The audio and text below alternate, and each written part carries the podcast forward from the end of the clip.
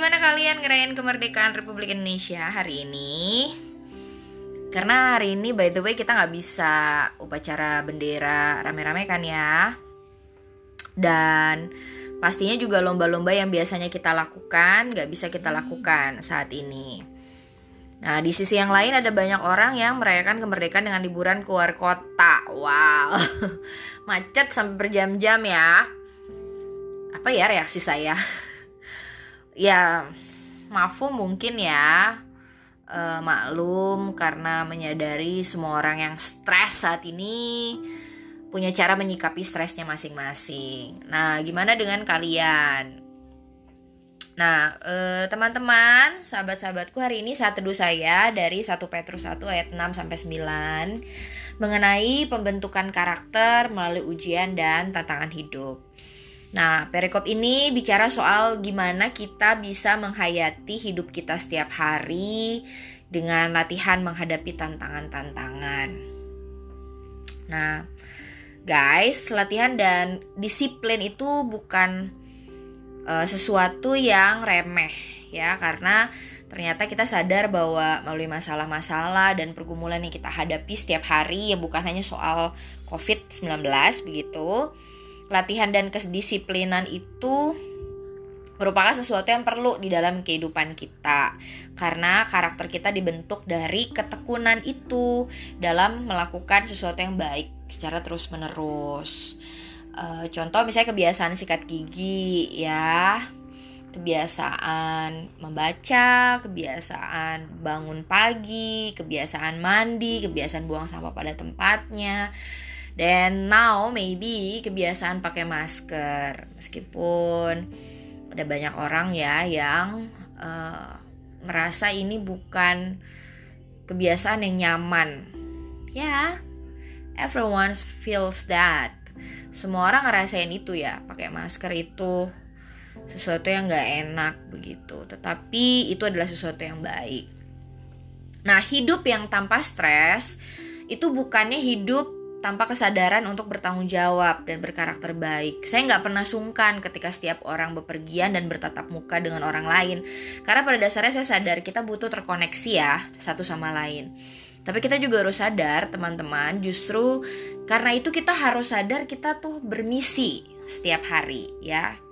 Apa yang kita lakukan itu membawa dampak bagi orang lain, dampak bagi kehidupan semua orang mau orang yang nggak suka atau orang itu suka sama kita semua perjumpaan itu sangat berarti ya. Mau kalian lagi bete lagi keki lagi sebel sama orang lain atau mungkin lagi cinta-cintaan gitu ya lagi happy banget lagi sayang banget semuanya itu membuat hidup kita berwarna. Jadi kita syukuri semua perasaan kita pada saat ini dan kita syukuri juga semua perasaan orang lain pada kita pada saat ini Nah, back to uh, reality ya, kesadaran siapa diri kita dan sebenarnya tujuan hidup kita yang kita sadari setiap hari itu akan membawa kita pada sebuah perjalanan yang panjang sekali supaya kita bisa hati-hati dengan perilaku kita sendiri. Karena sesederhana apa pun pemikiran kita gitu ya, kita harus jaga satu sama lain gitu. Mungkin memang pemikiran kita dengan pemikiran orang yang lagi nongkrong di warung, pemikiran dengan orang yang ada di angkot, pemikiran yang orang yang ada di pasar itu nggak sama. Tapi tugas tanggung jawab kita sama. Kita harus baik dan kita harus saling jaga satu dengan yang lain. Gak boleh cuek, gak boleh apatis. Saya pikir itu pesan kemerdekaan buat saya.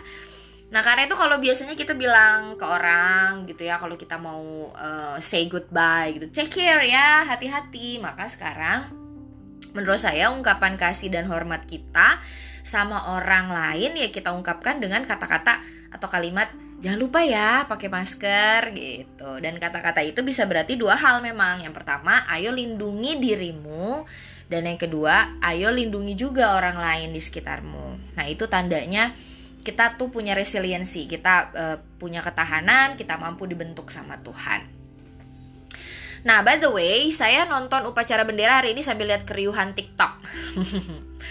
Dan menyadari bahwa perjuangan bangsa ini untuk menuju kemakmuran masih sangat panjang ya. Tetapi generasi milenial Indonesia, teman-teman saya, semua yang ada pada saat ini punya peran besar. Nah, bayangkan bonus demografi itu lagi kita alami ya saat ini. Di jemaat Di Bandung sendiri kategori usia remaja dan pemuda itu bisa memenuhi 70% dari keanggotaan gereja, bayangkan. Nah, gimana kita bisa berkontribusi buat bangsa dan negara kita? Nah, kita punya tanggung jawab karena kita hidup di masa ini. Jadi kalau kita masih aja ribut terus gerak pakai masker, kapan semuanya selesai gitu kan ya? Jadi udahlah, kita stopping debat soal itu ya. Pakai aja, apa susahnya sih gitu kan? Nah, menurut info medis, sekarang itu paparan COVID menimpa karyawan kantor yang nggak taat protokol karena nggak bisa jaga jarak di kendaraan umum dan saya pikir ini juga jadi kesusahan tersendiri ya buat bangsa ini.